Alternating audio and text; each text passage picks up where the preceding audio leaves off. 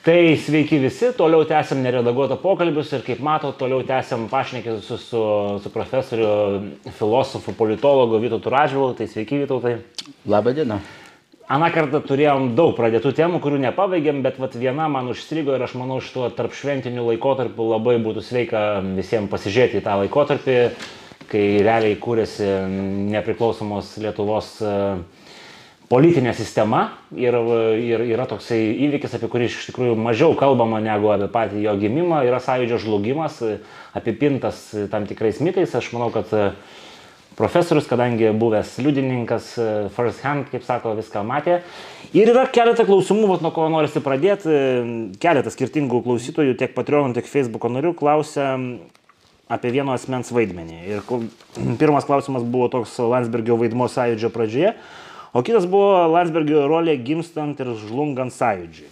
Tai net nežinau, ar nuo žlugimo, ar nuo gimimo pradėsim, bet profesoriau, visas žodis jums.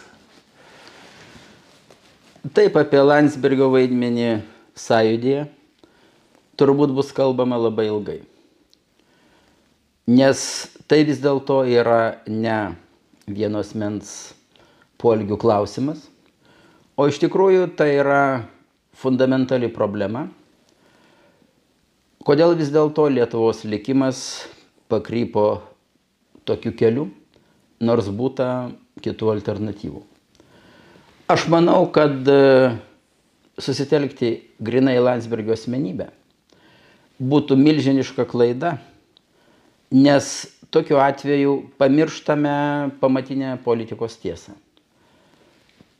Tokio pobūdžio, rango ir veiklumo žmonės atsiranda tada, kai ateina jų laikas ir kai jų kai kam reikia.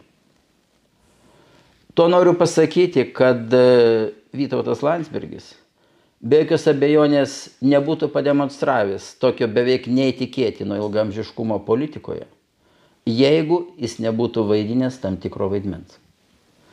Ir jis tapo tuo, ko tapo, ne vien savo pastangomis, bet todėl, kad jį lemiamais momentais iš tikrųjų paremdavo įtakingos jėgos.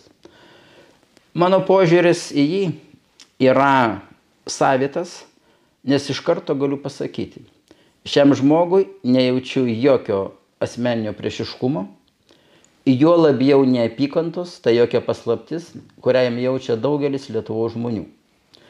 Aš manau, kad tokia nuostata net yra labai pavojinga nes kai kurie politiniai veiksmai, akcijos, protestai iš tikrųjų yra įkvėpti nuostatos, atsikratykime Landsbergio, Lietuvos problemos įsispręs.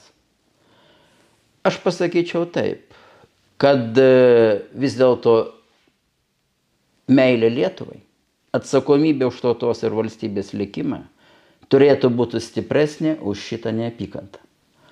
Kai kas mano ir mūsų dienomis, kad jeigu mes akcentuosime Landsbergio asmenybę, tuo pagrindu bus įmanoma sutelkti pasipriešinimą, kuris iš esmės pakeis padėtį Lietuvoje.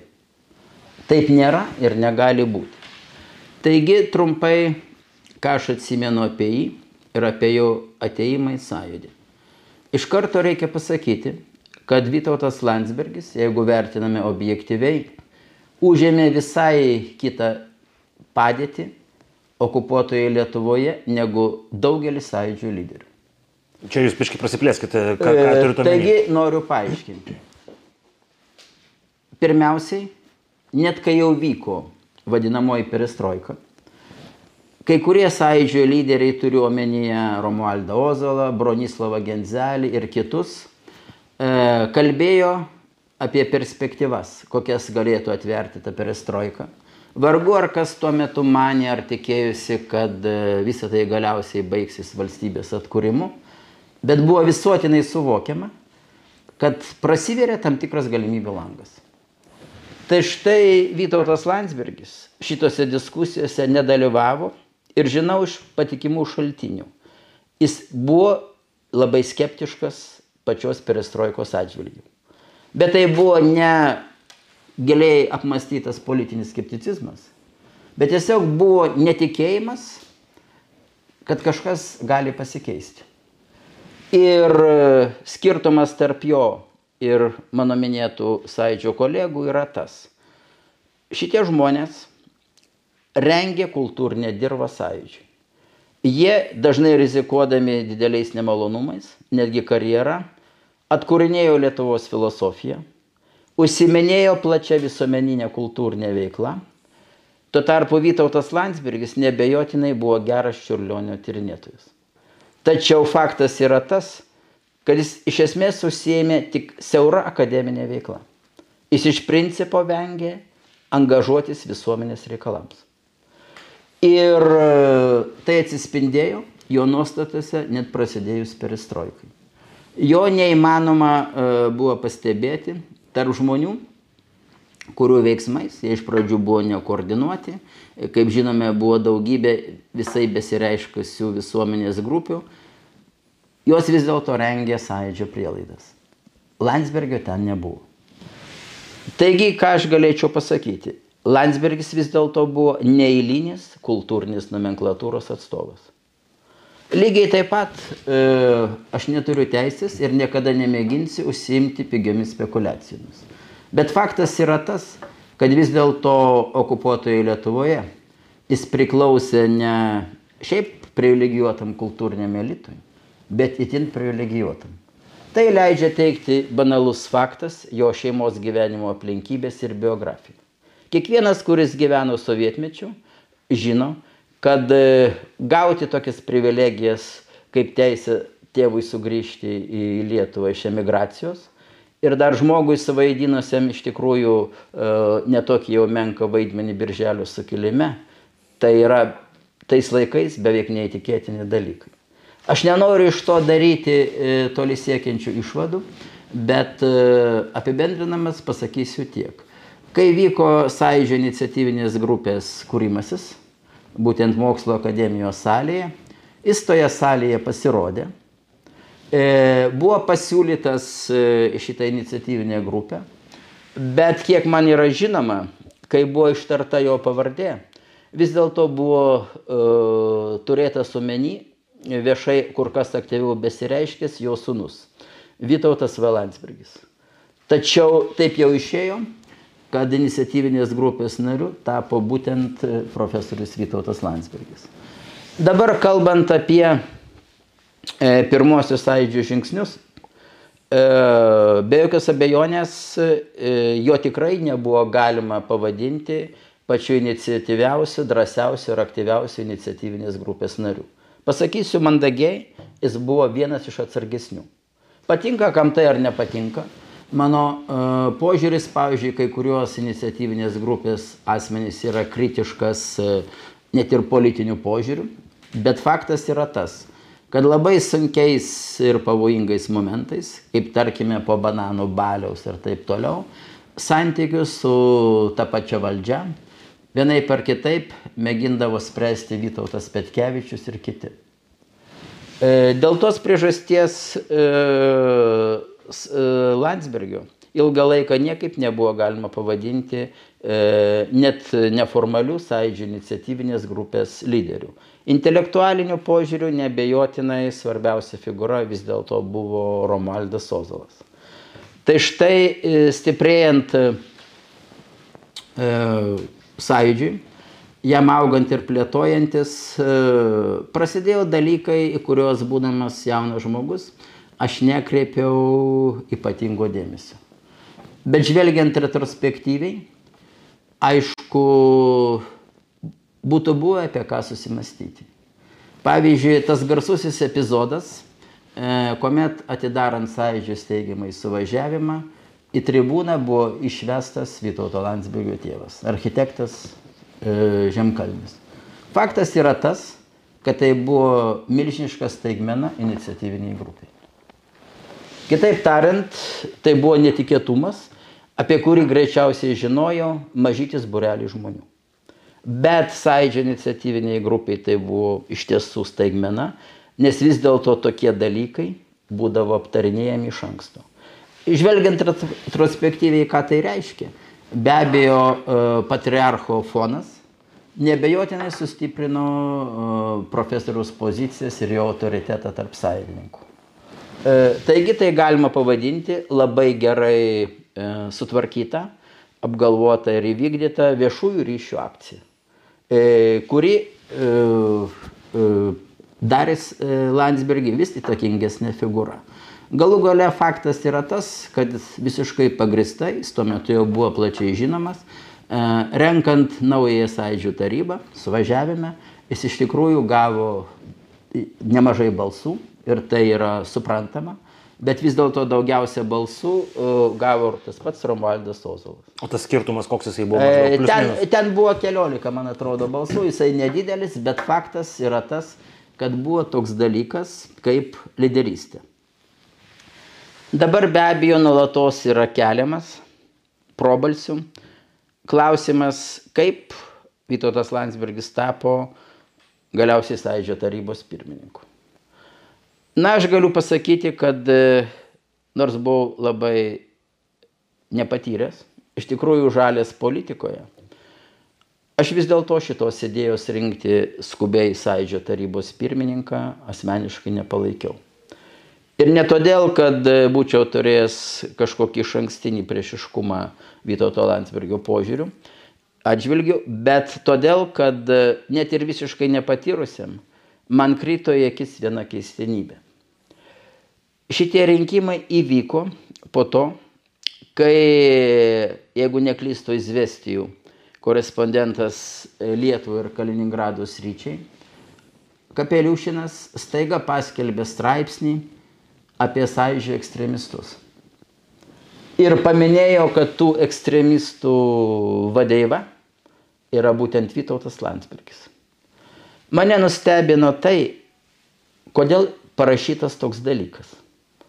Nes e, Landsbergis po sąjūdžio suvažiavimo be abejo buvo svarbi tarybos figūra, tačiau dar kartą noriu pabrėžti, to, ką sovietai tais laikais vadindavo ekstremizmu ar radikalizmu, jo kalbose ir poelgiuose tikrai nebuvo. Taigi e, man dar visai instinktyviai kilo tokia negera nuojauta, kad e, čia yra kažkas ne taip.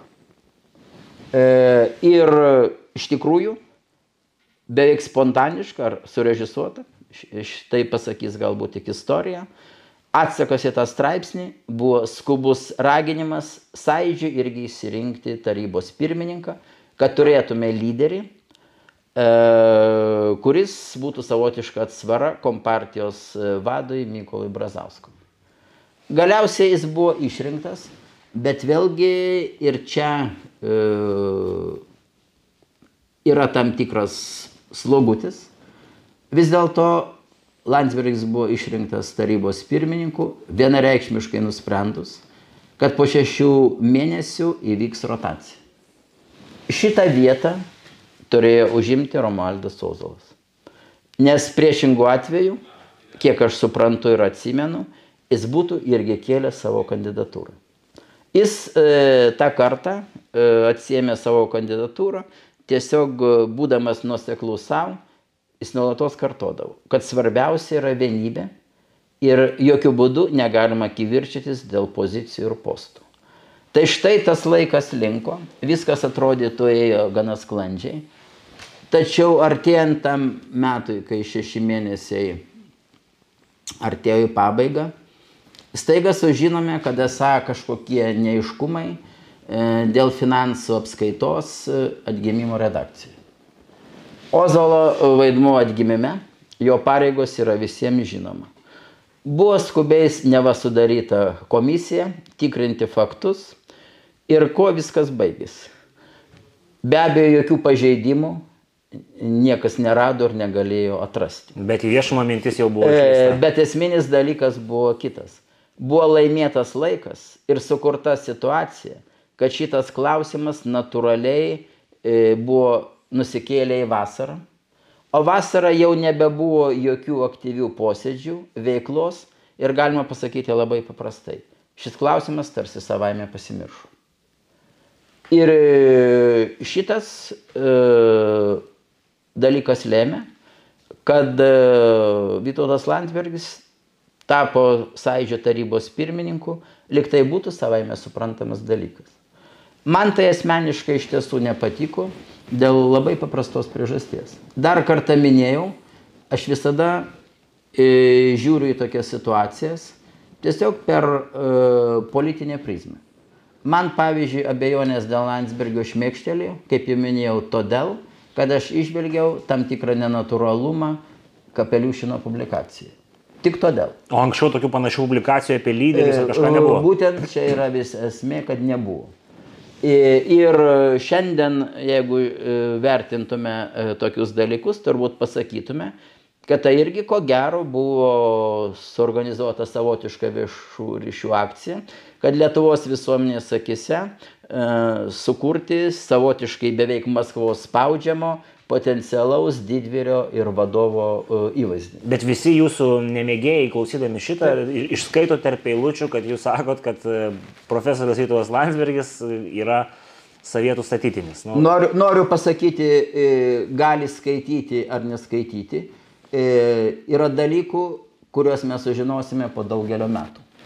Ir aš iš principo skiriuosi nuo kai kurių vadinamųjų demaskuotojų ar tyrinėtojų, kad aš griežtai vengiu daryti spekuliatyvius apibendrinimus.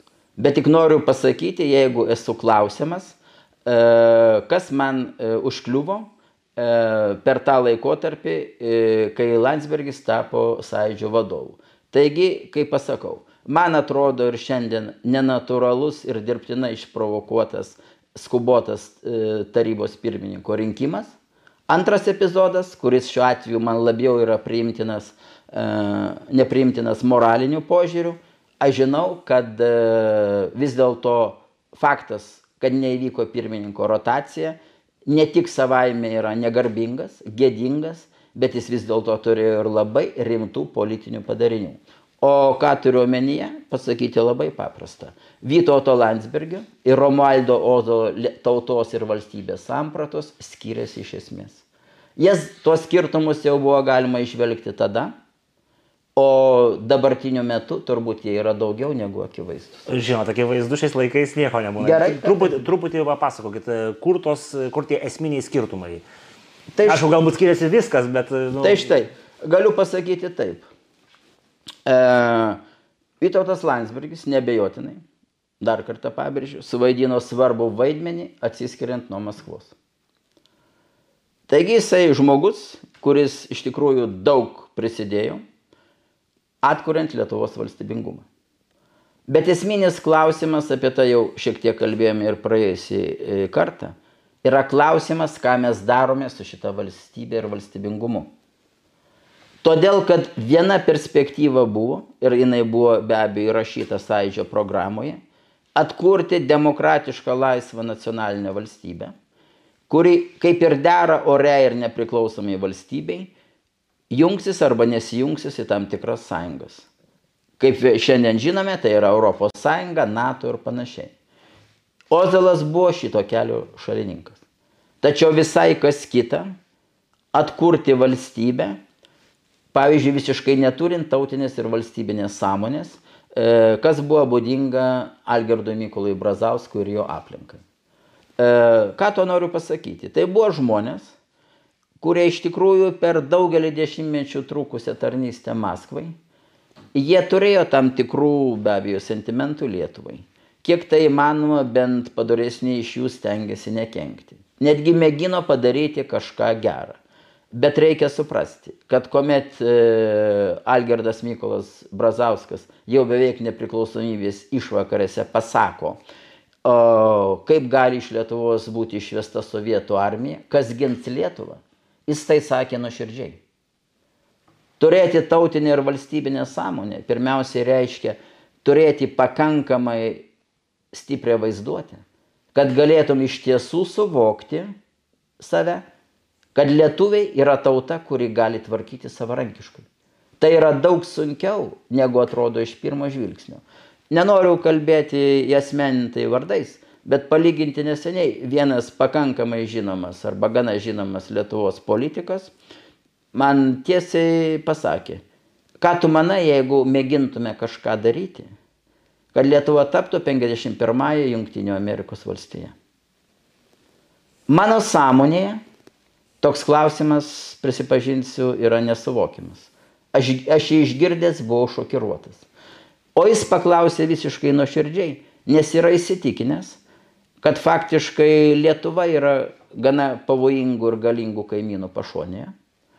Todėl e, vienas iš išsigelbėjimų būtų paprasčiausiai tiesiog uh, tapti Junktinių Amerikos valstijų uh, viena iš provincijų. Aš be abejo nusišypsojau ir pas, paklausiau, kaip jis tai įsivaizduoja grinai techninių požiūrių ir panašius dalykus, bet jis klausimą kėlė.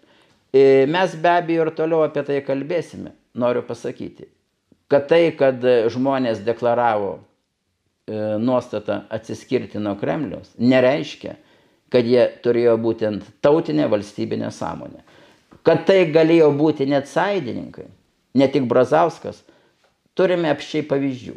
Na, paimkime pavyzdžiui tą patį Andrių Kubilių, kuris visiškai ramiai pasirašo kartu su Kirkilu dokumentą ir ko jis, ką jis siūlo, kad ES kompetencijai turi galiausiai būt, būti perduota socialinė apsauga ir net kultūros ir švietimo sfera. Realiai ką tai reiškia? Tai reiškia, kad jo lūpomis kalba sovieto jau spėtas, visiškai per auklėti lietuviškai kalbantį žmogus, kuris net nebesuvokia, ką reiškia būti valstybė.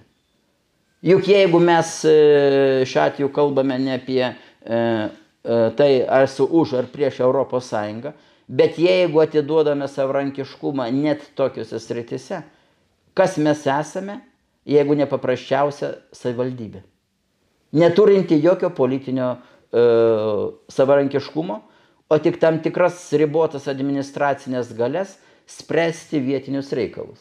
Kalbant labai nusekliai ir iki galo, galima būtų pasakyti, kad e, iš esmės faktiškai Lietuvoje turėtų teisė egzistuoti nebent komunalinio ūkio ministerija. Nes galbūt dar netiduosime ES šiukšlių ir panašių dalykų e, tvarkymo klausimų. Ir ką sako tas pats Kubilius, šiuo atveju aš taikau nespecialiai jam, bet kad parodyčiau, kokio tai masto problema. Jisai sako, turime būti atviri neribotai imigracijai.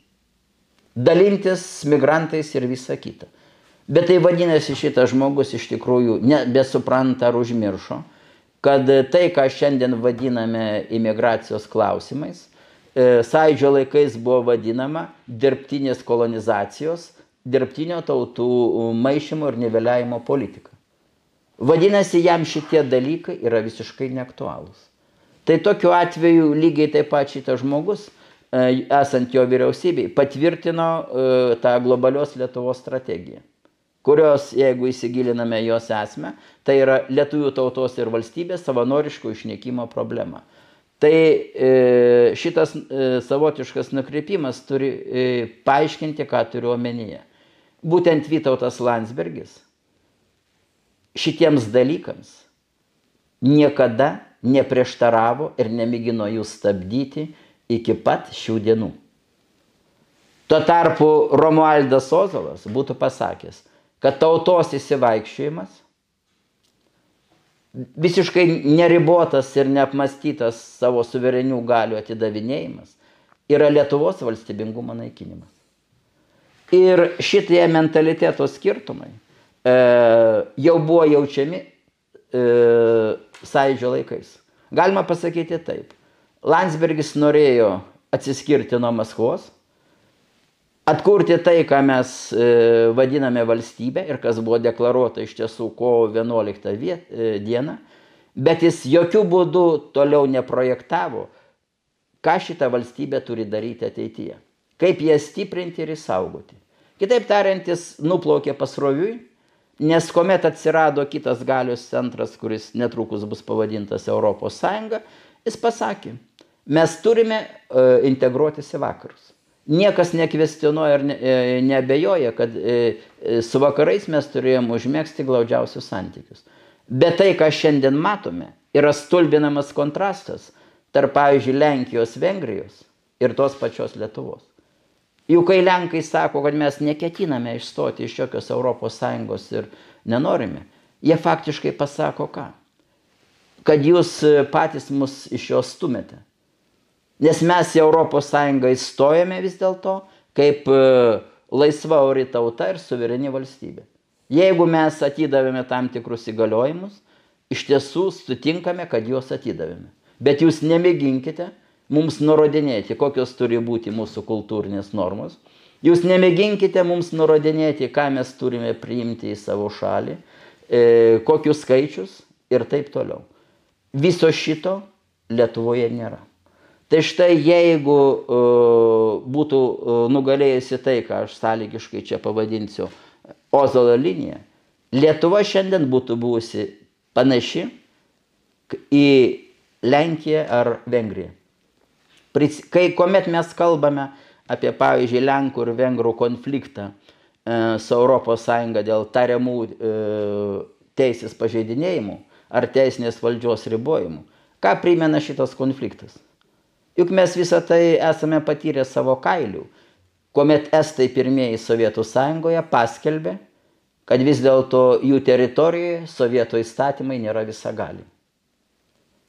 Ir Estijos valdžia, pirmieji trys asmenys, o tada būdavo kompartijos pirmasis sekretorius, aukščiausios tarybos pirmininkas ir aišku ministras pirmininkas, buvo pakviesti e, į Maskvą ir šiuo atveju tikrai autentiškai ir visiškai pasitikėdamas perdodau, ką vienas iš jų pasakojo profesoriui Genzeliui. Tame susitikime su uh, Gorbačiovu dalyvavo ir KGB šefas ir jie pasakė, atšaukite šitą savo nutarimą, e, jeigu ne, gausite po dešimt metų. Turimas omeny kalėjimas. Tais profesoriui Genzeliui pasakė, jie susižvalgė pas ir pagalvojo visi tyliai aha, tik po dešimt metų, nesušaudys. Ir griežtai atsisakė. Tuo tarpu Lietuvoje toj pat vyksta aukščiausios tarybos sesija. Ir sąjūdis reikalauja, kad e, Lietuvos aukščiausiai dar komunistinė taryba paremtų estus. Tarsi susitarta, kad bus paremta ir kas įvyksta - išdavystė. Visiškas stuburo neturėjimas. Ir šitas bestuburiškumas be jokios abejonės yra siaubinga tradicija, kuri tęsiasi iki šių dienų. Tai štai noriu pasakyti, kad e, profesorius Landsbergis niekada po to, kai jau buvo atkurta nepriklausomybė, šito stuburo neparodė. Jeigu iš tikrųjų jis būtų politikas Ozolo tipo, jis vis dėlto turbūt būtų išdrysęs pasakyti, Ar yra normalu, kad Lietuva per 30 nepriklausomybės metų prarado beveik milijoną žmonių? Bet kitos aplinkinės kaiminės valstybės irgi prarado. A, noriu pasakyti, kad pas mus vis dėlto skaičiai yra rekordiniai. Niekas neteigia, kad e, neveikia toks dalykas kaip natūralus siurblys. Yra be abejo ekonominiai, socialiniai e, gyvenimo lygio skirtumai. Skiriasi atlyginimai. Bet kodėl Lietuvoje e, šitie praradimai yra tokie baisus ir faktiškai mes esame lyderiai tuo atžvilgiu, todėl kad vis dėlto Lietuvoje net nebuvo mėginta valingai politiškai stabdyti šito išsivaikščiojimo. Niekas Lietuvoje buvo vykdoma pati nuožmiausia ir nusekliausia neoliberali ekonominė politika, kuomet nebuvo rūpinamasi vis dėlto bent tuo, ką galima pavadinti normaliais minimaliais atlyginimais. Panašiais dalykais. Nebuvo vis dėlto mėginama statyti į vietą suižolėjusi biurokratija ir teisės sauga. Kitaip tariant, e, daugelis dalykų buvo tarsi specialiai padaryta taip, kad būtų įgyvendintas e, Suslavo šūkis Lietuva, bet be lietuvių. Nes e, taip yra tam tikrai dalykai, kurių niekada nepajėgsi iki galo sukontroliuoti, ypač būdamas menkesnio įsivystimo lygio valstybė. Bet Lietuvoje buvo remiamasi visai kita filosofija. Kad šita masinė migracija yra tarsi kokia nors gamtos stichija. Potvinis ar uraganas, kur absoliučiai nieko negalima padaryti. O kad galima padaryti yra visiškai akivaizdu. E, kodėl vis dėlto daugelį šalių, e, reaguojant į infliaciją, visą kitą, keliama ta pati minimali alga ir panašus dalykai.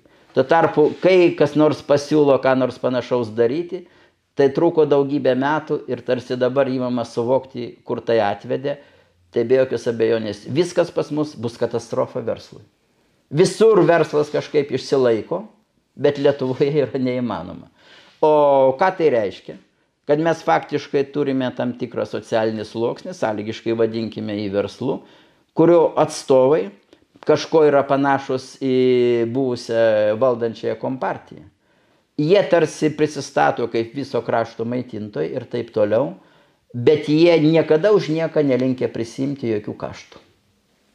Kitaip tariant, kada yra valstybė? Valstybė yra tada, kai tu supranti, kad kiekvienas šitos valstybės e, profesinis arba socialinis sluoksnis atlieka naudingą darbą visumai. Ir valstybės mentalitetas yra savimonė, kai suprantama, kad visais sunkumais ir laimėjimais reikia dalintis. Sunkmečių tu vis dėlto e, neskubėk e, nupjauti algų mažiausiai uždirbantiems ar pensininkams. Pagalvok, kad galbūt kitiems tai mažiau skausminga. Jeigu tu uždirbi didžiulius pelnus, tai galbūt pagalvok, kad reikėtų pasidalinti nors šiek tiek su jais, kurie realiai tai ir padarė. Tai štai Lietuvoje viso šito nebuvo. Ir manau, kad e, viena svarbiausių priežasčių yra ta, kad būtent nebuvo tautinės ir valstybinės sąmonės, kuri reiškia, kad e, tai, ką sąjūdis kalbėjo, netgi deklaravo, kad Lietuvos valstybė pirmiausia yra reikalinga ir prasminga tam, kad užtikrintų lietuvių tautos išlikimą ir testinumą nuo amžių gyvenamoje žemėje, šitas principas daugeliui tų žmonių, kurie kovo 11 dieną paskelbė atkurią valstybę, visiškai negaliojo. Tai buvo tuščia deklaracija ar frazė. Ozolas buvo iš tų žmonių, kurie dėl šito iš tiesų skausmingai išgyveno. Štai kodėl šita e, kolizija, jos reikšmė Lietuvai yra dar neįsisamoninta. Aš jau nekalbu apie kitus dalykus. Taip, Landsbergis politikoje e, yra puikus taktikas. Kaip neveltui sakoma, kad jis yra... Taktikas, sakytume, taktikas, ne strategas. būtent geras šachmatininkas. Bet jūs paskaitykite Ozolo tekstus kai kuriuos. Rašyti 95 dar iki 2000 metų. Juk tai, ką jis rašo apie Lietuvos, Europos pasaulio perspektyvas, tai tiesioginė to žodžio prasme yra pranašiška. Galima sakyti, kad mes sąjūdėje turėjome žmogų, kuris savo išvalgumu faktiškai prilyksta iškeliausiams kitų tautų mąstytojams. Politiniu išvalgumu. Visa tai po šitos pernelyg neviešintos kovos, visa tai pradingo. Paprasčiausiai todėl, kad šitokio masto ir lygio idėjos, po to, kai Ozolas buvo išstumtas faktiškai iš viešosios erdvės, jos tiesiog e, buvo pamirštos ir jie žino tik palyginti nedidelė visuomenės dalis. Nors kai kurios tekstus, jeigu nuo manęs tai priklausytų, aš dėčiau į mokyklinius vadovėlius. Arba bent jau turėtų tai būti chrestomatijose. Mes šiandien sakome, Lietuva, ko labiausiai neturi, nuo ko labiausiai kenčia, neturi ateities vizijos. O kaip gali e, šalis turėti ateities viziją, jeigu tie, kurie turėtų ją ne tik sukurti, bet ir valingai savo pavyzdžių ją įgyvendinti, šitaip kviesdami kitus, sukuria dokumentą, kurio oficialiai aiškiai pasako, mums šita Lietuva nereikalinga. Jeigu šiandien Lietuvoje iškilus istorikai ir panašiai, e, arba, pavyzdžiui, e, viena signatarė, turiuomenį ponė Nijolė Užėlytė, ramiai gali pasakyti, o po šimtą metų Lietuvų ir Lietuvos neliks. Tai žmogus, kuris pasirašė e, kovo 11 e, nepriklausomybės aktą. Ir jeigu peržvelgime visą signatarų sąrašą, kiek iš tikrųjų buvo tokių žmonių, kurie taip, buvo palanki geopolitinė konjunktūra, buvo sąjūdis, buvo nepriklausomybės reikalavimas, jie šitai pasirašė bet jie tai padarė be vidinio supratimo, gilaus tikėjimo ir jo labiau ryšto tai gyvendinti. Juk, juk šiandien tarp buvusių signatarų daugybė žmonių, kurie ramiausiai pritarė dalykams, kurie naikina Lietuvą. Pradedant nuo seksualinės revoliucijos, baigiant iki migrantų antplūdžių. Arba kurie šaltakraujiškai ruošiasi, pavyzdžiui, privatizuoti paskutinės Lietuvos strateginės įmonės.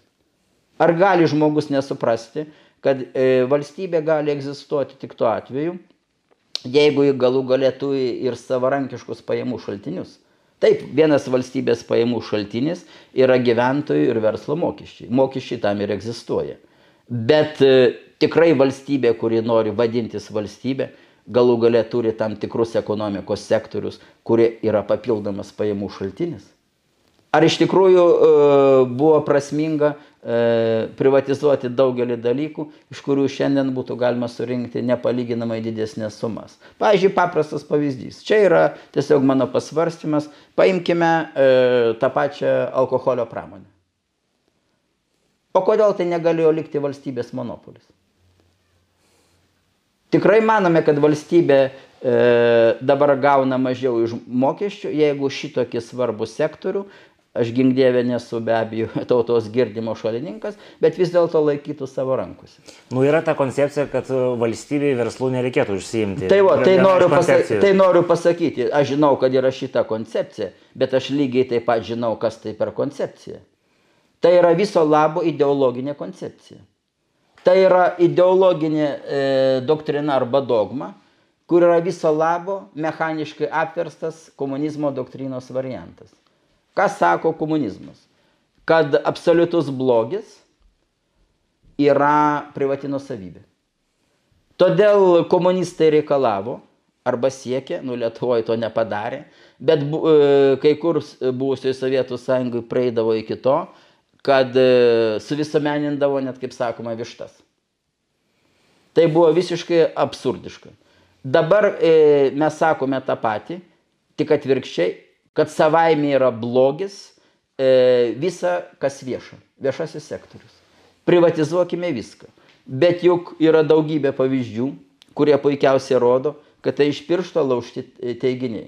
Kodėl savaime privatizavimas e, negali būti panacėja? Puikiausias pavyzdys yra, pavyzdžiui, šilumos ūkis savivaldybėse. Privatizavo šilumos ūkį. Kas įvyko? Infliacija. Infliacija, sukilo kainos, taip. Ir galiausiai daug kur teko tiesiog atpirkinėti iš privatininkų ir gražinti į savivaldybės rankas. Ką tai rodo? Kad e, jeigu kalbame apie vadinamąjį ekonominį efektyvumą, tai esminis klausimas yra tas, o kokiu kriteriju tu vertini efektyvumą. Vieninteliu kriterijum gali padaryti pelningumą. Bet ekonomika vis dėlto kam tarnauja? ar kad gamintų tokią abstrakciją, kuri vadinasi pinigai. O mes e, žinome dar iš Aristotelio pasakojimą apie Mydą. Karalių, kuris mirė badu todėl, kad e, e, virsdavo auksu viskas, prie ko jis prisiliesdavo. Taigi pinigai yra abstrakcija. Ar vis dėlto ekonomikos paskirtis yra tenkinti realius žmonių poreikius? Ką tai reiškia praktiškai, jeigu kalbam apie šilumos ūkį? Taip, savivaldybė turi stengtis ir tai natūralu padaryti, kad jos e, katilinė, sakykime, paprastai e, būtų rentabili. Bet vis dėlto tai yra visai kitas principas, nes jie gali pasakyti jos valdytojais, e, kurie jos turi klausyti, kad gal vis dėlto su tuo rentabilumu šiek tiek apsiraminkite ir žiūrėkite, kad gyventojams tai būtų įperkama kad vis dėlto mūsų tikslas yra ne savaime gaminti pinigą, o padėti žmonėms išgyventi. Tai šitokia filosofija e, nuvedė labai toli. Mes, ta prasme, atkurdami valstybę, noriu pasakyti, neturėjome valstybės tikros sampratos ir filosofijos. Ir jos negalėjo beveik būti, aš tą suprantu, nes per 50 okupacijos metų tai buvo ištrinta. Nes e, šito niekas beveik nejautė. O pajausti e, yra labai nelengva. Todėl, kad, e, kad ir šiandien gyvenam Lietuvoje, atrodo visi esame piliečiai. Darome savo darbus taip toliau. Bet klausimas būtų toks. O mes turim tautinę ir valstybinę sąmonę. Tikrai galiu pasakyti, kad etinę, kultūrinę dar turime. Nors ir čia esame grėsmių, nes e, apklausos rodo, kad vis daugiau lietuvių, ypač jaunų, jau nebenori būti lietuviais, bet jie nori būti europiečiais. Bet šiek tiek studijavęs Europos, sakykime, tai problematiką, taigi šitą tarsi žinodamas galiu pasakyti, kad aš pats negalėčiau atsakyti į klausimą, kas yra europietis ir ką reiškia jo būti. O štai keliasdešimt procentų jaunų lietuvių nori būti tuo, ko net nežino, kas tai apskritai yra. Ir, o kriterijus yra tas, visi atlieka savo pareigą, taip toliau, dirba savo darbus, moka mokesčius. Bet yra vienas lakmuso papirėlis, kuris atskleidžia, tikra ta tautinė valstybinė sąmonė ar ne. Paimkim paprastą pavyzdį. Lietuvos miškai. Jie yra, kaip žinome, žvėriškai kertami. Kiek besipiktinančių, kiek nuotraukų su iš tikrųjų širpiais vaizdais, iškirstos plynės, paversta dykuma. Ir klausimas, kiek kartų ir kiek tūkstančių žmonių atėjo pasakyti, kad šitą reikalaujame sustabdyti, nes miškai yra vis dėlto visos Lietuvos turtas. Jie visi į Facebooką subėga, tas A, tai va čia yra visa esmė. Bet ką tai rodo? Tai rodo, kad jeigu aš tiesiogiai neturiu intereso būti miške, nesitikiu gauti iš to kokios nors naudos, tas miškas jau yra anapus mano dėmesio akiračių. Tai reiškia ką? Kad tavo sąmonė iš tikrųjų nėra tėvinės. O čia taip žiauriai. Taip žiauriai, bet noriu pasakyti, kad mes čia kalbame vis dėlto tam, kad būt pradėtume šnekėti ir apie dalykus, kurie yra nemalonus. Nes e, esmė yra ta. E, ir kitus galiu faktus pasakyti, kažkas tai turi galų galę padaryti. Tarkim, Vyksta įvairūs šventiniai renginiai vasario 16 ar kovo 11. Gražios eisenos, eitinės, visa kita arba važiuotinės. Pandemija privertė važinėtis. Jos gana gausios, taip. Dalyvauja turbūt tūkstančiai žmonių. O man norėtųsi paklausti, kiek iš tų tūkstančių ateina, kai reikia prie Seimo? Komet, pavyzdžiui, sprendžiami valstybinės kalbos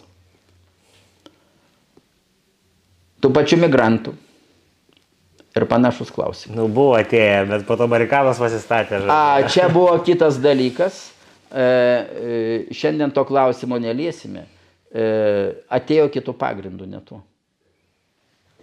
Tai jau kita tema. Tai štai noriu pasakyti, grįžtant prie to, apie ką mes kalbame. Kad tada ir sprendėsi klausimas, kokiu keliu eis Lietuva. Tai šitą jau supratom. Kelias buvo pasirinktas, tai dabar dar pagrįžtant į tą laikotarpį. Teko kažkur girdėti, kad sąjūdis e, baigėsi per anksti. Tai sakykim taip, kad e, turėjo dar būti kadencija nepribaigta, bet e, viduje buvo priimtas sprendimas, kad reiktų esmė rinkimų. Gal mhm. galit pakomentuoti ar tą laikotarpį, nes, nu, kaip pasakyti, aiškiai atsimenančių 92 yra netiek jau ir daug. E, šitą laikotarpį pakomentuoti be galo lengva. E, turime kaip tik įvykį, aišku, jis skiriasi mastais ir taip toliau, kuris įvyko šiomis dienomis. Turiuomenį įvykius Lietuvos valstiečių žaliųjų sąjungoje. Tai, kas įvyko per keliarius mėnesius, kelis paskutinius mėnesius. Kodėl taip įvyko? Čia visi metai ten, jeigu skaičiuojame. Na, nu, galbūt. Galima paskaičiuoti, bet, bet galutiniai e, tai tapo matoma, kai iš, išėjo e, iš partijos žmonės, prasidėjo frakcijų ir panašių dalykų kūrimas, iš tiesų keli, keli mėnesiai. E, kodėl taip įvyko?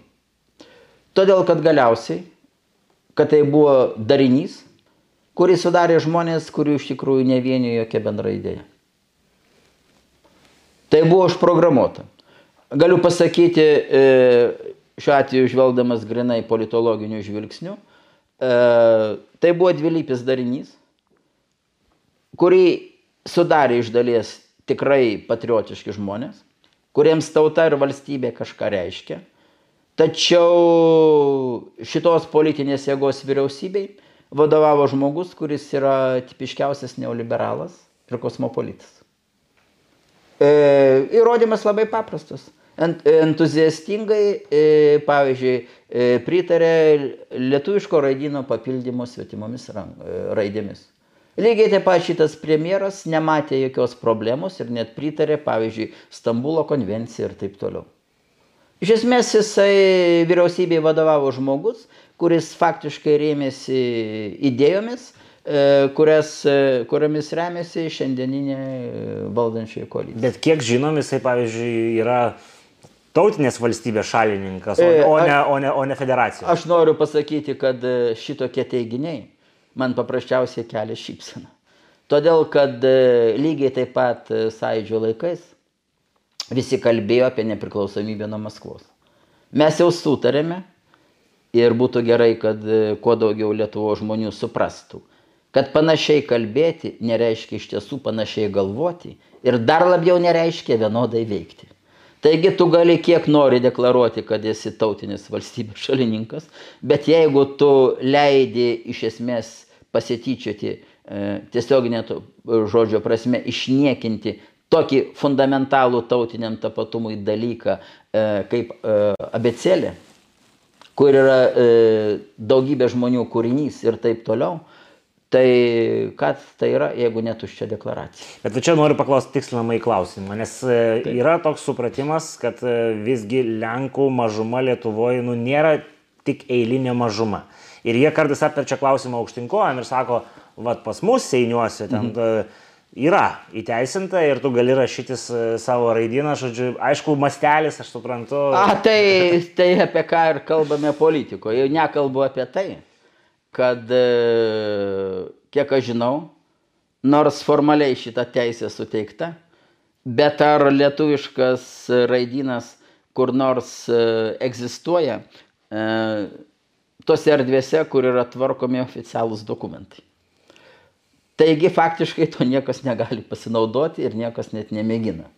Tuo tarpu čia žmogus pritarė dalykams ir man kyla natūralus klausimas. Jis supranta, ką daro ar ne. Todėl, kad vienas dalykas yra simboliškai daryti nuolaidą mažytiai grupeliai žmonių, žinant, kad jie net jie rimtai negalės pasinaudoti ir net nemėgins naudotis. Ir kartu daryti tokio masto nuolaidą grupiai, kurios istorinės ištakos yra daugiau negu aiškios. Aš neturiu nieko prieš prieš e, Lietuvoje gyvenančią Lenkų beje, ne tautinę mažumą, bet tautinę bendryją. Vien tai, kad mes Lietuvoje mėginame priminėti tautinių mažumų įstatymą, yra aiškus požymis, kad mes toliau įsivalstybiname. Nes kalbant labai tiksliai e, teoriškai ir istoriškai, tautinėmis mažumomis yra laikomos tik tos etinės ir kalbinės grupės, kurios neturi savo valstybės. Tos, kurios turi savo valstybės, jos yra tautinės bendrijos. Ir niekas nebejojo, kad šita grupė yra Lietuvos tautinė bendryje. Bet kodėl mėginama juridiškai pakeisti jos statusą? Ogi todėl, kad būtų galima suteikti tokias privilegijas, e, kurios e, teikiamos būtent tautinėms mažumoms, kurios iš principo negali kelti jokių politinių problemų. Dabar jeigu kalbame apie šitas tarsi nekaltas raideles, žinant, kad tie žmonės, kurie šito reikalauja, praktiškai vos nepražudė Lietuvos valstybės prieš 30 metų. Nu, Juk už turit prasiplėsti. Noriu pasakyti, kad tai yra tie patys vadinamųjų pietričių Lietuvos autonomininkų reikalavimai. Daugelis tų žmonių, kurie kelia šitą klausimą, su jais yra susiję netiesioginiais giminystės ryšiais. Nes jų e, tėvai arba dėdės kūrė autonomijos. O kas buvo šitos autonomijos, jeigu ne vos atsikūrusios Lietuvos valstybės šantažo įrankis. Taigi jos grasino e, Lietuvos integralumui. Dabar jeigu žiūrime į šitą politiką, tuos visus reikalavimus kurie keliami jau 30 metų, aš vis dėlto labai atidžiai pasižiūrėjau, kas vyko tarpų karių Klaipėdos krašte. Taigi galiu pasakyti, kad Klaipėdos krašte vyko absoliučiai tas pats, kas vyksta pietryčių Lietuvoje. O kalbant konkrečiai, buvo tiesiog dedamos titaniškos pastangos boikotuoti lietuvių kalbą.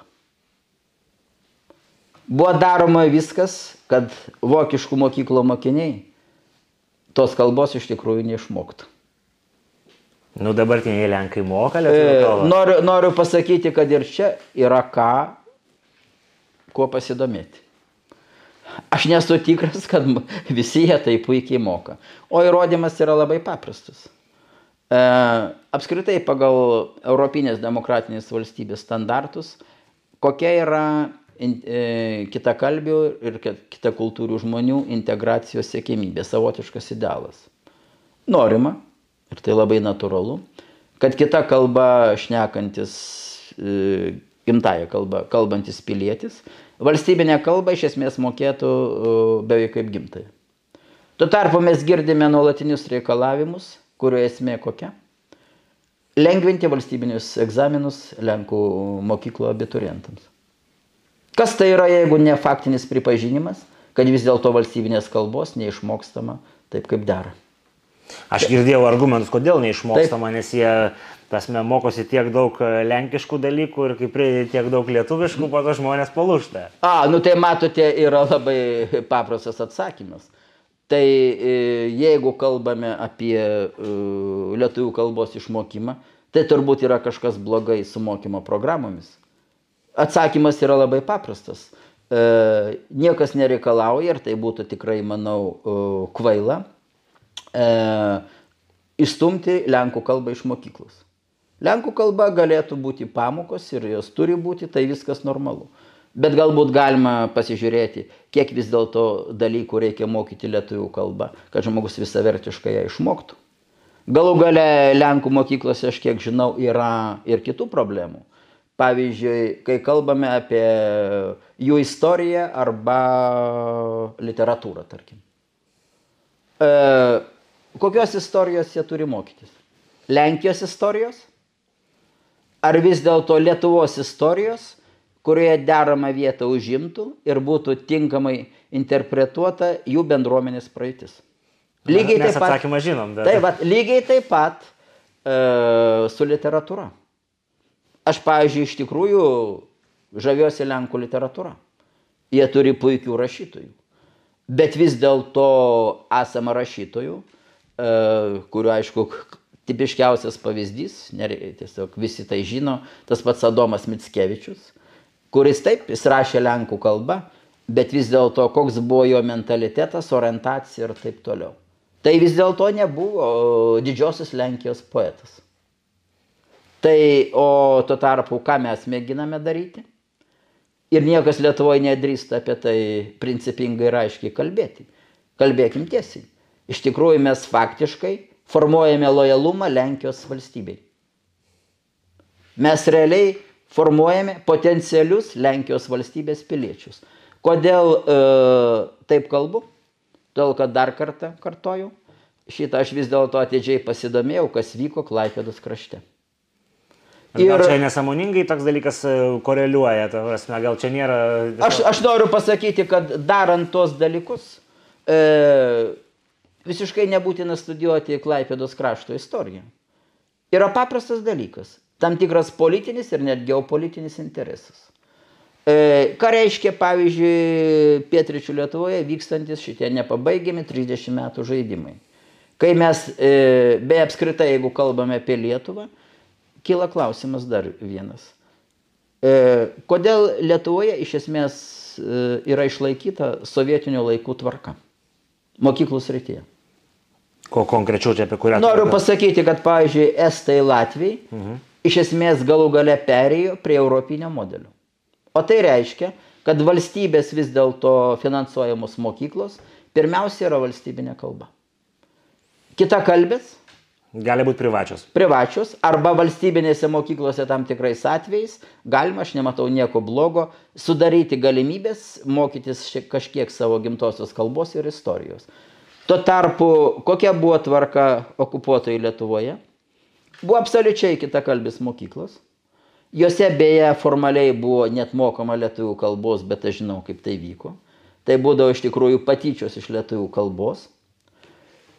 Ir šitą tvarką mes e, ne tik išsaugojame, bet faktiškai tai finansuojame. Bet aš jau noriu paklausti klausimo. Lenkijos dydyje, tas mūsų kraštas, e, apie kurį mes čia kalbam, ar jiem tai sudaro kažkokį apčiuopiamą valstybės priedėlį? Ar čia yra taip, kad e, kitos nedraugiškos valstybės šitoj teritorijoje savo politiką? Aš noriu pasakyti, kad bėda yra ta, kad šita atrodytų nedidelė teritorija yra paversta savotišku jau dabar geopolitinių galių varžybų centru. Kad dėl jos vyksta kova. Mes patys skundžiamės ir pripažįstame, kad šito krašto gyventojai yra labai e, veikiami propagandos iš rytų. Bet nesugalvojame nieko kito, kad mėginkime atsverti šitą propagandą, Lenkijos valstybės propagandą. O kur yra mūsų pačių e, valstybinė lietuvių politika? Kas yra konkrečiai daroma, pradedant mokyklą ir baigiant e, e, žiniasklaidą, e, kad šitie žmonės vis dėlto būtų, sakykime taip, ištraukti iš kitų valstybių įtakos orbitus. Mes finansuojame Lenkijos televizijos transliacijas. Bet ar galbūt už tos pinigus vis dėlto vertėtų e, padaryti lenkakalbę lietuvišką televiziją, kurioje dirbtų Lenkų tautybės piliečiai, bet vis dėlto tikrai Lietuvos patriotai? Ar, ar, ar e, e, mėginant atsispirti rytų įtakai, yra būtina savo šalies piliečiams formuoti Lenkijos piliečių mentalitetą. Tai yra principiniai klausimai. Ir vėlgi, grįžtant prie to, nuo ko pradėjome. Aš sakau, mes šitą tai važiavom, bet, tai va, bet, bet e, taip, kalbame laisvai ir savotiškai tai yra labai gerai, toks spontaniškas poelgis. Tai štai noriu pasakyti. Patriotizmas, visa kita Kaip visi šie dalykai dėrėtų su tuo, ką deklaravo sąjūdis. Ir kodėl, pavyzdžiui, šitokios politikos šalininkai yra daugelis iškelių sąjungininkų. Politikos, kuri faktiškai yra antivalstybinė politika. Tai jeigu aš teisingai jūs suprantu iš šitos analogijos, taip, kuri buvo suvesta į valstiečių taip, taip, žaliųjų sąjungą, taip 92 prasidėjo birėjimas būtent dėl to, kad didžioji Taip. dalis politikų nematė tautinės valstybės kūrimo. Taip, o paaiškinimas paprastas. E, tautinės valstybės idėja negali būti išlaikoma tik privačių lygmenių. Kalbant apie Lietuvą, ką tai reiškia? Kad 50 metų, kai atėjo okupantas, buvo dieną naktį kalama nuo darželio iki universiteto suolo kad XIX amžiaus pabaigos Basanavičiaus tautinio atgimimo projektas buvo klaida, o 18 metų Respublika nesusipratimas. Šitam dalykui šiek tiek buvo galima atsispirti tik šeimose, kurios, sakykime taip, turėjo gana tvirtesnės patriotinės šaknis. Dažniausiai tai buvo vis dėlto arba kultūrininkų, arba uh, vienai per kitaip besipriešinusi okupacijai žmonių šeimos. Bet ir tai privatus švietimas, ūkdymas šitų patriotinių darybių, vadinkim taip, labai retai gali atsispirti prieš tai, ką galima pavadinti institutų, su institucintu organizuotų valstybinių propagandinių apdorojimų. Tai štai pasakysiu labai paprastai. E, natūraliai keičiantis kartoms, Lietuvos Respublikos atmintis blėso. Ir e, kai atėjo sąjūdžio laikas, žmonių, kurie atsiminė Aną Lietuvos Respubliką, dar buvo gana gausų, bet iškart galiu pasakyti, jeigu būtų įvykęs stebuklas ir, pavyzdžiui, Lietuvos Respublika būtų, būtų, būtų buvusi atkurta ne 90-ais, Bet tarkim dar 1975 metais rezultatas būtų buvęs visiškai kitas. Nes tų žmonių, kurie atsiminė Aną Respubliką, turėjo tautinį valstybinę sąmonę ar bent išlikusi instinktą, pirmą būtų buvę kur kas daugiau. Antrai, jie būtų buvę kur kas dar jaunesni, žvalesni, energingesni. Dabargi, kas įvyko, sąjūdis geriau negu nieko bet jis įvyko pavėluotai. O ką galų gale tai reiškia, rodo dabartinės vyriausybės pavyzdys. E, šiuo atveju sausai, be jokio etikečių klejojimo, galiu pasakyti, kas šiuo metu e, stumia Lietuvą į tokią padėtį. Kas yra visi šitie žmonės? Pradedant premjerę, baigiant visais kitais. Tai vėlyvojo sovietmečio komjaunimo karta. Nu, apie Gabrielių Landsbergį to nepasakysi. E, noriu pasakyti, kad e, e, šiuo atveju vėlgi e, labai rimtas klausimas. Komjaunimas savaime yra neformali narystė, mentalitetas. Komet Gabrielius Landsbergis iš tikrųjų kalba šabloniškomis frazėmis, kuomet jisai e, kritikuoja Lenkų, Vengrų nacionalizmą taip toliau, kas jo lūpomis kalba? Sovietinis komjaunuolis. Bet, taip, bet taip kadangi mes- girdėjau kadangi- kalbant bet kadangi mes istorijos fakultete. Vienmečiai, tai Taip. nu, jisai, kai jam buvo septyni metai, Lietuva atkūrė, tai jis nespėjo dar jo gauti iš valstybinio to organo, bet Taip. tai galėjo gauti ne vien kitur. kur nors. Tai va, bet noriu pasakyti, kad šiuo atveju čia yra visa esmė. Iš kur gavo klausimas nesvarbus. Aš žinau paprastą akivaizdų faktą, aš klausau jo kalbas ir skaitau jo tekstus. Ir aš atpažįstu būtent tai. E, O iš kur galėjo gauti? Galų galiai studijavo istorijos fakultete. Tartutinių santykių politikos mokslų institute. Gerai jum magistrantūra. pažįstama Taip. vieta. Tai noriu pasakyti, kad ten e, nemanau, kad e, yra įvykę didžiulių e, mentalinių pokyčių atkūrus nepriklausomybę. Yra paprastas paaiškinimas. Įsivaizduokime žmonės, jie dirbo akademinį darbą. Universitete ar kur nors kitur mokslo tyrimų institute. Tu savo tyrimus atlikinėjai, dėstai, iš esmės remdamasis e, marksistinė ideologija ir taip toliau.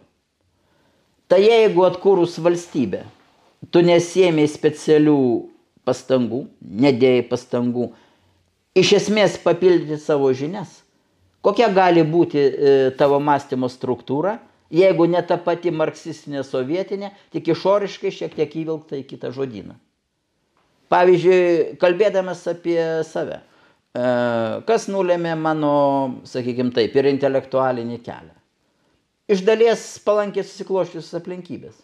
Dėl apl e, e, dalykų, apie kuriuos čia galbūt nekalbėsime, taip jau išėjo, kad man teko laimė rašyti disertaciją iš prancūzų personalizmo istorijos filosofijos. Tai buvo tokia Manuelio Munije e, inicijuotas tarpukarių katalikiškas e, socialinis politinis judėjimas.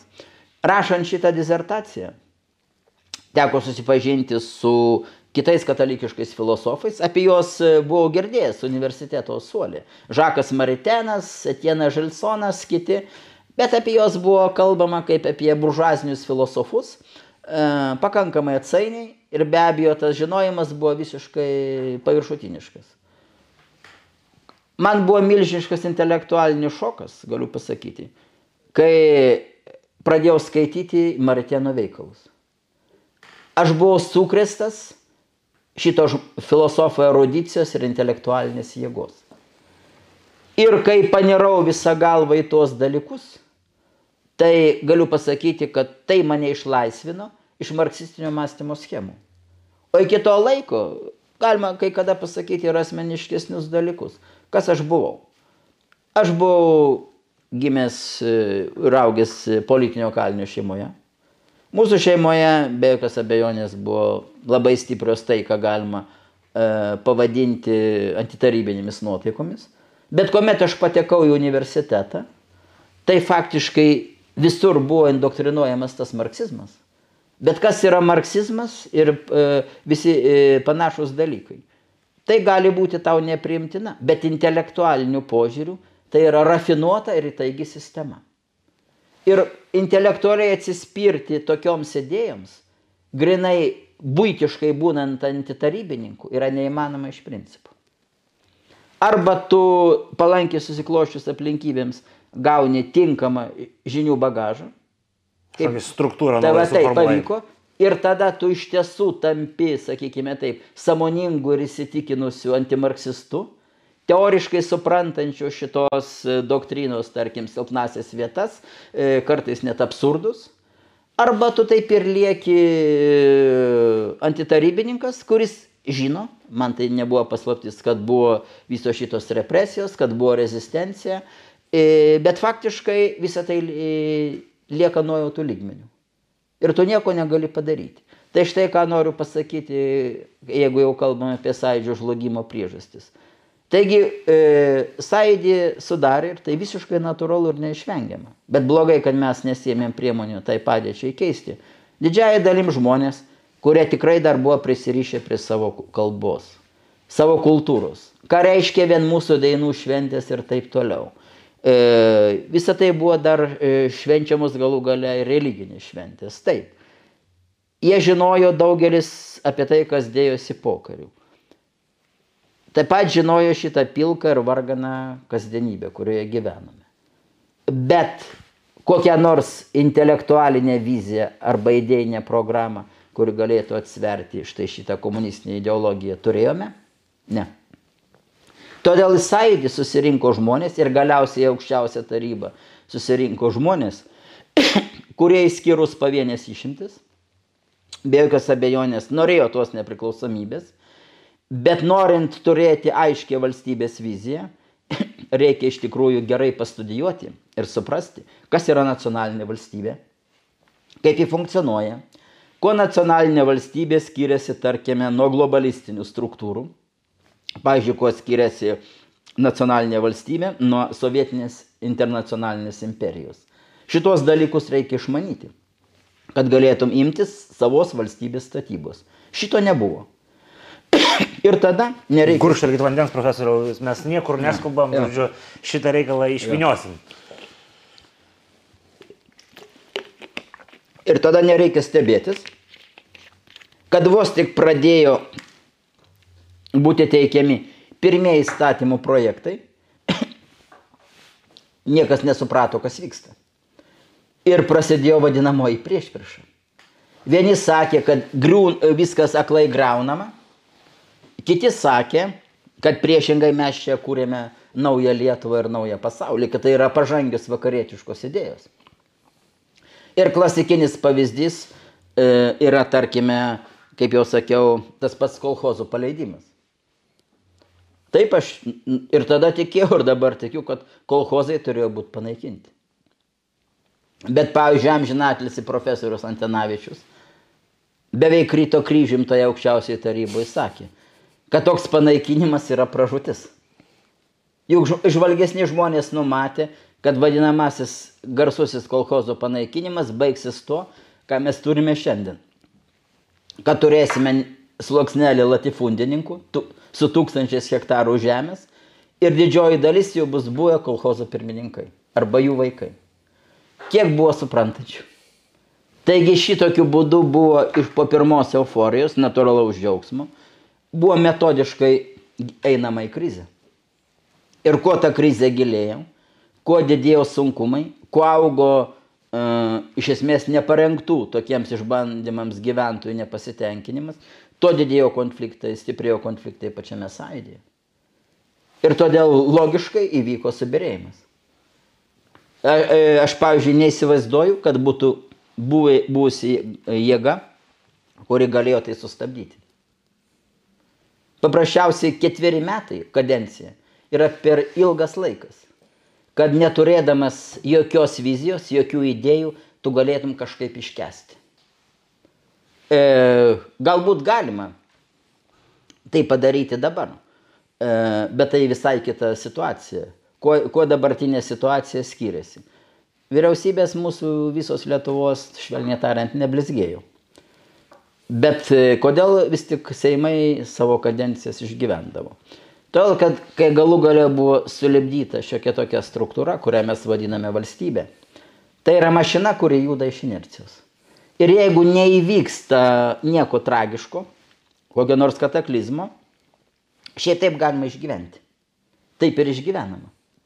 Kitas dalykas, kad ta mašina arba valstybė jinai eina vis gilėjančią krizę. Nes e, tokia tvarka gali išlikti, kol yra palyginti palankios sąlygos. O dabar, aišku, mes patekome visai naują istorinį laikotarpį. Yra visiškai aišku, kad žlunga įprastinė saugumo sistema. Žlunga geopolitinė pasaulio architektūra.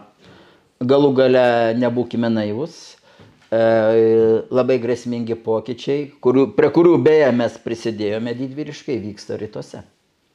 Faktas yra tas, kad dar prieš keliarius metus, kad ir ką sakytum, sieną turėjome tik prie Nemuno. Tiesioginį. Dabar šiandien jau esame apsupti iš abiejų pusių. Tai yra kai kurių mūsų politikų šaunios veiklos rezultatas. Tai todėl vis sunkiau išlaikyti valstybį stabilumą. Tai čia jau šitoje visam mūsų paskutiniam Taip. segmente, kaip ir atsakėme klausimą, mhm. kodėl atėjo Taip. AMB 92 ir to klausimo gal tada detaliau Taip. nelieskim, e, pereikim prie tokių pabaigos linksmybių, vis tiek mhm. čia jų dar bus šiek tiek.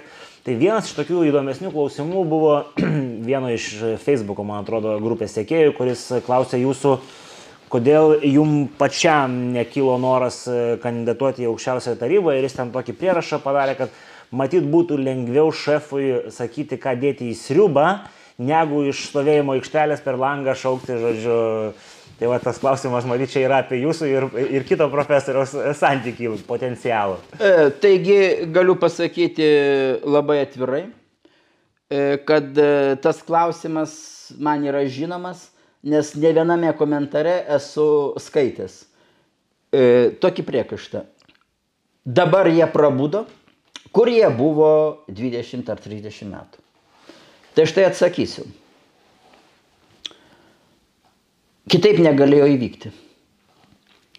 Nes aš vis dėlto buvau sąidžio, kaip ten bebūtų, iniciatyvinėje grupėje ir taryboje.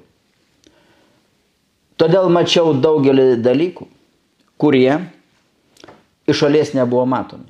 Jie net negalėjo būti parodomi, nes padariniai būtų buvę katastrofiški.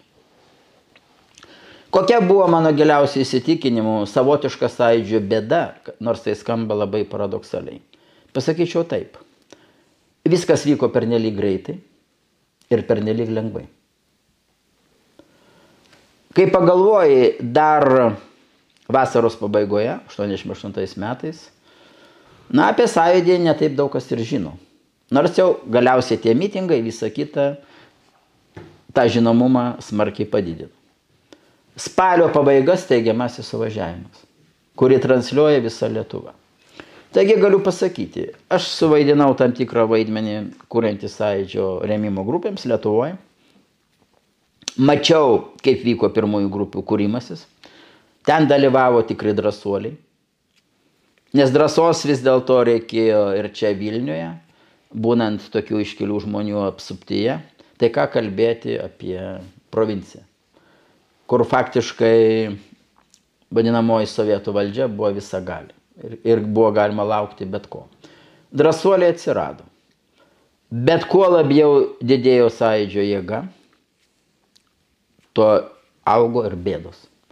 Aš su jomis susidūriau labai anksti, nes mažai ką žino, kad jau suvažiavimo išvakarėse Lietuvoje kai kur prasidėjo mūšiai dėl teisės dalyvauti suvažiavime.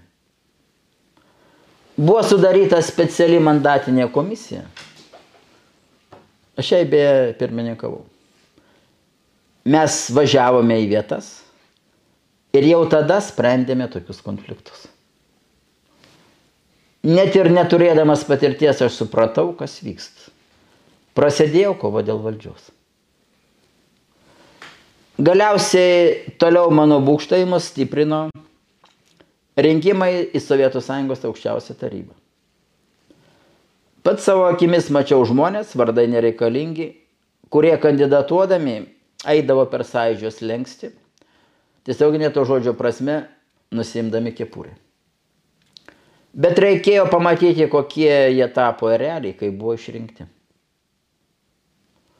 Juk mažai kas žino, kad 89 metais e, vasarą jau vėlyvą pavasarį, buvo prasidėjusi labai nemenka sąjūdžio vidaus krizė, kurios priežastis buvo ta, kad net nesusirinkdavo kvorumas į posėdžius tarybos.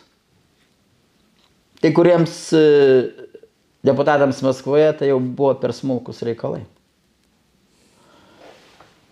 Ir tada būtent 89 metų, taip atsimenu tiksliai, gegužės mėnesį aš supratau, kad jeigu nebus kažkokių brutalių represijų, tą nepriklausomybę mes paskelbsime.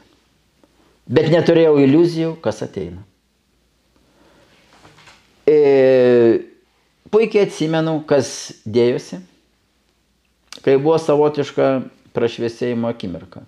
89 metais ar ne vasario mėnesį LKP suorganizavus turbūt paskutinį tokį plenumą ypatingai, kuriame buvo pareikalauta pastatyti į vietą sąjūdžio ekstremistus. Dalis žmonių jau tada pabėgo. Bet dėja tai buvo labai trumpas epizodas ir viskas baigėsi. Žinau tikrą istoriją, kad suprastumėte, ką tai reiškia.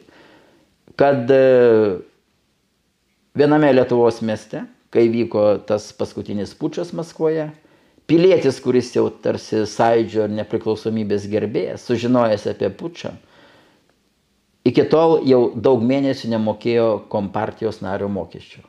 Skubiai nulėkė pas Burokevičininkus tą mokestį susimokėti. Taigi sąidžio savotiška bėda buvo ta, kad nebuvo beveik rimto spaudimo ir tikrų represijų. Taigi man buvo aišku, kas įvyks ir tada turėjau pasirinkti. Labai samoningai ir aiškiai. Ar vis dėlto ten eiti ir pakelti ranką už tai, kas, kaip jau minėjau, greičiausiai turėjo įvykti. Ar vis tik daryti kažką kitą, ką šiek tiek moku ir sugebu. Ką aš moku ir sugebu, nu, visi žinote. Aš tiesiog moku rašyti tekstus ir galiu kažką pasakyti studentams. Man buvo aišku, iš tikrųjų galiu sažiningai pasakyti, kad mes valstybei kurti dar nesame pribrendę. Dabar jeigu būčiau buvęs... Žiauriai skamba. Taip, taip. Ir galiu pasakyti, kad įrodo dabartinę būklę. Juk mes iš tikrųjų, mąstant iš esmės, kodėl Lietuvos Respublika laikosi? Atsakymas labai paprastas. Mes jau jį girdėjome. Dėl labai palankios iš inercijos ir dėl kol kas dar palankios politinės konjunktūros, geopolitinės, kuri beje sparčiai keičiasi ir blogėja ne mūsų naudai. Yra ko nerimauti. Tai štai, jeigu būčiau nuėjęs, mane būtų ištikęs likimas, e, kuris ištiko daugelį sąidžio bendražygių. Reikia kalbėti atvirai. Kaip buvo aukščiausiai taryboje, net per tą pirmą kadenciją, kai kurie prarado e, kvalifikaciją, kai kuriems galiausiai patiko, kokios ten jos buvo to deputato alga ar privilegijos, Ir kad išliktų, jie pradėjo daryti bet ką. Nuėjo tarnauti būsiams komunistams, Brazauskui ir, ir visa kita. Aš nenorėjau šito daryti.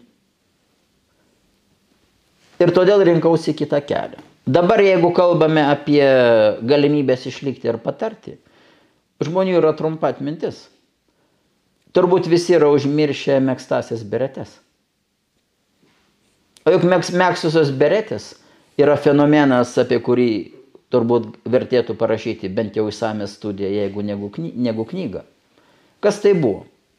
Iš tikrųjų buvo sukurta moralinio ir psichologinio teroro sistema, kurios tikroji paskirtis buvo išvalyti sąjūdį nuo vadinamųjų nepatikimųjų. O kalbant šiandien tikslią politinę kalbą, nuo nuseklių ir tvirtų nepriklausomos tautinės valstybės šalininkų. Kaip veikia tai? Vyko sparti sąidžio liumpenizacija. O kas yra liumpenas?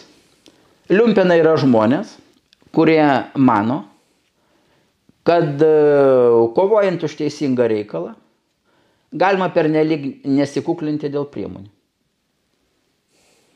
Liumpenų problema yra visų politinių judėjimų bėda. Apie liumpen proletariatą rašė ir Marksas. Tai yra būtent iš esmės asocialus elementas, kuris irgi prisišlėja prie politinės kovos. Aš manau, kad galima Lietuvoje kalbėti ir apie liumpen patriotus. Tai yra žmonės, kurie deklaruoja labai skambius tautinius valstybinius šūkius, bet jie sauliaidžia nepaprastai daug. Ir kaip tai realiai atrodė tas mechanizmas? Taigi staiga tarsi lasdėlė mostelėjus, išdygo piliečiai. Aš e, buvau šitų dalykų liudininkas. Kurie tunojo pakampėse, iki tol jų niekas nematė ir neregėjo bent jau tarp sąjungininkų. Kurie staiga sužinojo, kad jie yra tikrai patriotai ir išminčiai. Ir tada, ką mes išgirdome, ką čia nusišneka tas Marcinkievičius. Kokias čia kvailystės paisto akademikas Rajackas. Ką čia šneka tas durnelis Ozolas. O kaip tai realiai atrodė pačiame sąjūdėje? Buvo išrinkta vadinamoji antrojo sąjūdžio taryba. Ten jau buvo vos keli žmonės iš pirmosios tarybos. Pirmoji taryboje būdavo aštrių ginčių, nesutarimų, bet buvo tai, ką galima pavadinti etika bendravimo ir aukšta mąstymo kultūra. Visi suprasdavo, kad jeigu nesutinki, vis dėlto reikia atidžiai pasiklausyti. O kas tada atsirado toje antroje taryboje? Taip, kaip sakiau, nematyti piliečiai, kurie, kalbėkim tiesiai, dažnai net nesuprasdavo, ką sakai. Bet jie visada žinodavo ir domėdavosi, ar jau neišdavė Lietuvos. Ir šita e, atmosfera, jinai būdavo tiesiog gniuždanti. Savo akimis mačiau, kaip iš sąjūdžio tarybos tiesiog savaime pradėjo išeidinėti protingi, ištikimi bendražygiai. Nes ir galima suprasti, žmogus tarsi valstybė jau atkurta, bent jau formaliai, kodėl jis turi kesti storžėvių ir nemokšų įžeidinėjimus ir patyčias. Kaip mano istorija baigėsi? Labai paprastai. Galų gale trūko ir mano kantrybė. Nuėjau pas sąjūdžio tuometinį pirmininką Juozą Tumelį su pareiškimu. Sakau, gaila, bet aš turiu išeiti. Jis nieko nesakęs, pareiškimą padėjo į stalčių. Laukiu. Praėjo savaitė, kita nieko nėra. Tada aš užsuku į sąjūdžio būstinę, ten jau nesilankydavau, sakau, vis dėlto prašau padaryti. Jis ištraukė, atsidusęs pasirašė, sako, man gaila. Aš sakau, taip ir man gaila. Sudė. O vadinamasis trečiasis sąjūdžio suvažiavimas. Kažkodėl užmiršome, kad buvo toks pilietis Oksas, kuris pasiūlė žavingą idėją - sušaudyti porą šimtų tūkstančių komunistų. O visi, kas nors atsimena, kaip šitą idėją savo interesams paskui panaudojo busimieji rinkimų laimėtojai, turiuomenį Brazausko partiją. Komet jie pradėjo kalbėti, kad balsuokite už mus, jeigu nenorite, kad šitie jūs, žodžiu, sušaudytų. Galų galia trečiajam sąjūdžio suvažiavime buvo apskritai iškelta nuostabi idėja. Tokį sąjungininką Radžvilą buvo pasiūlyta pakarti. Nu, čia įdomus istoriniai faktai. Tai, o kodėl aš tai priimu? Be kalbu apie tai su šypsena. Bet aš manau, kad laikas apie tai prabilti. Nes žmonės, aš apskritai nemėgstu apie save kalbėti. Galiu sažiningai ir atvirai pasakyti. Bet vis labiau įsitikinu, kad kuomet žmonės priekaištauja, kur tu buvai, kodėl nieko nedarai, bėda yra ta, kad jie patys nedalyvavo. Jie nesuvokė, kokie buvo galingi ir baisus naikinimo mechanizmai paleisti veikti į darbą. Todėl, kad e, kai vyko šitas mėgstuvių berečių siautėjimas, tai juk nu, kas nukentėjo? Tai ne tik Juršienas, kuriam sudaužė akinius. Turėjo iš sąidžio trauktis tokie žmonės kaip Genzelis, galiausiai Ozolas, taip toliau. Bet e, šiuo atveju kalbėkime iki galo. Profesorius Landsbergis neištarė nei žodžių, kad tai sustabdytų. Taigi jokių galimybių, kaip naiviai sakoma, išlikti nebuvo. Ir e, vis tiek tai būtų įvykę. Bet kaip jau minėjau, vienintelė strategija buvo kažką daryti. Tol aš niekada nepasitraukiau. Mėginau kažką pasakyti studentams, rašiau tekstus, galiausiai, kaip jau kalbėjome praėjusį kartą, vis dėlto dalyvau kuriant kitą pasirinkimą. Šiek tiek sudalyvau steigiantis Propatrijai, nors tai tikrai jaunimo kūrinys, Vilniaus forumui. Aš dirbau šviečiamą į darbą. O politikoje tokiamis sąlygomis politikuoti yra neįmanoma. Beviltiška. Nu, kadangi jau pradėjome apie asmeniškumus, tu, turiu dar Taip. keletą klausimų. Taip. Tai vienas iš tokių klausimų buvo, kad e, kaip Radžvilas išvažiavo iš Lietuvos, e, dar būnant e, gudžiai sistemai, gal jis pats buvo vat, kažkoks. Nepaprastai pradžiuginęs klausimas. Galiu pasakyti štai ką. Aš iš Sovietų sąjungos, kaip ji tada vadinosi, Pirmą kartą išvažiavau tik tada, kai įsisteigė sąjūdis. 1989 metais. Negalėjau išvažiuoti, todėl kad e, net ir norėdamas nebūčiau mėginęs to daryti, nežinojau. Ta pačia akimirka, kai reikės kai kam pateikti anketą, ten sušmežuos mano amžinatilsi tebelio ir kiti dalykai. Kitaip tariant, būčiau akimirksniu iššifruotas, kad esu uh, politinio, taip ir politinio kalinio sunus. Uh, taigi išvažiavau tik uh, įsikūrus sąjūdžiui, o ir šiaip tiesą sakant, uh, su šypsena prisimenu vieną savo, sakykime, akademinės karjeros vingį. Aš buvau pakviestas dirbti į katedrą universitete profesoriaus Genzelio pastangomis. Katedros vedėjas buvo tikrai fanatiškas sistemos šalininkas. Bet jis apie tai nežinojo, mano biografijos, nu ir priėmė. O kai sužinojo? O buvo įdomesnis dalykas. Po metų Maskvos CK priėmė nutarimą, kad visi priimami dirbti jauni darbuotojai tas visuomeninių mokslų katedras privalo stoti į partiją. Tai štai tas katedros vedėjas pareiškė man nuoširdžią užuojautą, kaip čia mes ne, neapsižiūrėjome, kad tavęs nepasiūlėme stoti į partiją. O aš galvoju, jeigu tu žinotum, kaip čia iš tikrųjų yra. O realiai kaip buvo? Man tas klausimas turbūt buvo, būtų buvęs fatališkas, aš nežinau, uh, kuo tai būtų baigėsi. E, bet buvo paprastas dalykas. Kai jau dirbau filosofijos katedroje, universiteto partinės organizacijos sekretorius, profesorius Šliogerio vis klausdavo, kodėl tas Radžiulas nestoja į partiją. Aš pasakydavau, na, profesoriau, jeigu galite, ką nors jūs ten sumeskite, kad nebrandus. Ir to porą kartų užteko, o kalbant paprastai, kodėl aš išlikau, Paaiškinimas paprastas. Pavyko sulaukti sąlyčio. Tas klausimas būtų iškilęs. Tai tada paskutinis klausimas, kuris yra, kad e, Radžvilas visgi buvo sorošininkas. Ir čia kalba apie jūsų darbą viename fonde, kuris irgi kartais išlenda, tai šitą pabaigim ir tada asmeniškumus uždarysim. Tai va, e, labai gerai, kad paklausėte, nes čia vėl dar viena skausminga tema, kuri iš dalies yra atsakymas, kad vis tik vargu ar susiklyjos tai, kas vadinama patriotinė opozicija.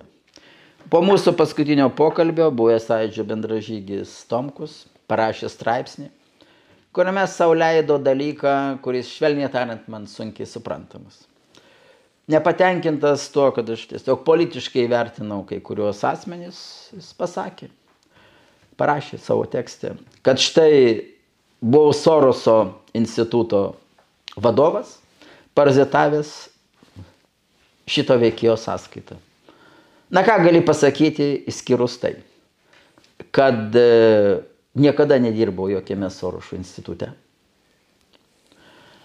Ir niekada nesu gavęs už panašų darbą jokios algos. Bet čia matyt kalba apie tą atviros Lietuvos ar kaip. Tai tame vis esminis dalykas, kad aš niekada nebuvau e, ten joks darbuotojas ir taip toliau. Taip esu žmogaus teisų, kaip ten vadinasi, institutas, porą ar ne metus buvęs stebėtojų, bet tai buvo absoliučiai formalios pareigos. Mes susirinkome vieną kartą ir iš tikrųjų gavau milžinišką atlygį, turiu prisipažinti. Jei gerai atsimenu, poka, ne, pastatė ar kavos podelį ar du. Mm. tai visas mano atlygis. Ir kitas dalykas be abejo taip pat labai nemalonus, kai buvęs bendražygis uh, sauliaido prikišti, kad aš buvau liberalų sąjungos pirmininkas.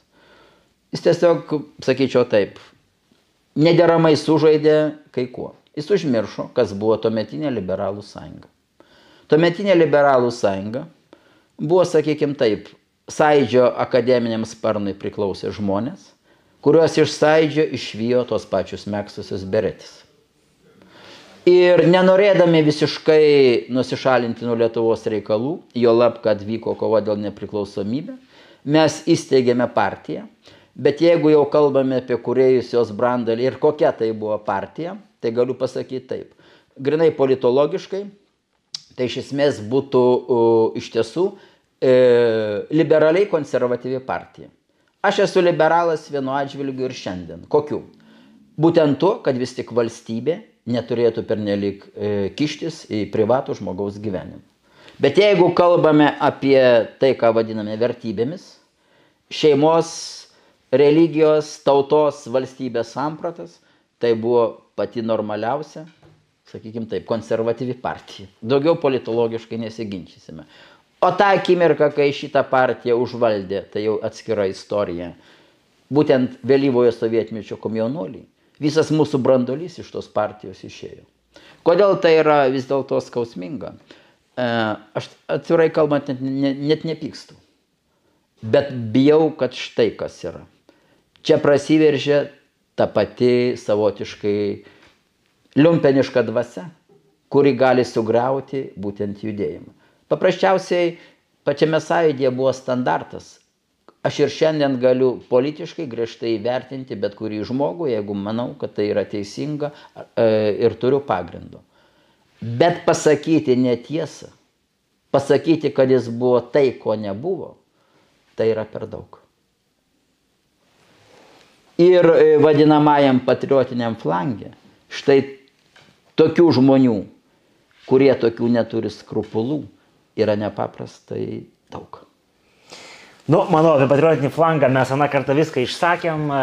Dar teks grįžti. Tas, o tai, kad klausimų liko krūvo neatsakytų ir, ir šitoje knygutėje yra planai, tai mes manau, kad ne paskutinį kartą. Tikėkimės. Tai dėkui visiems, kurie žiūrėjot, nepamirškit socialinių tinklų, nepamirškit, galima sekti profesorių ir Facebook'e, ir, ir yra kitos vietos, ir ką, iki kitų kartų.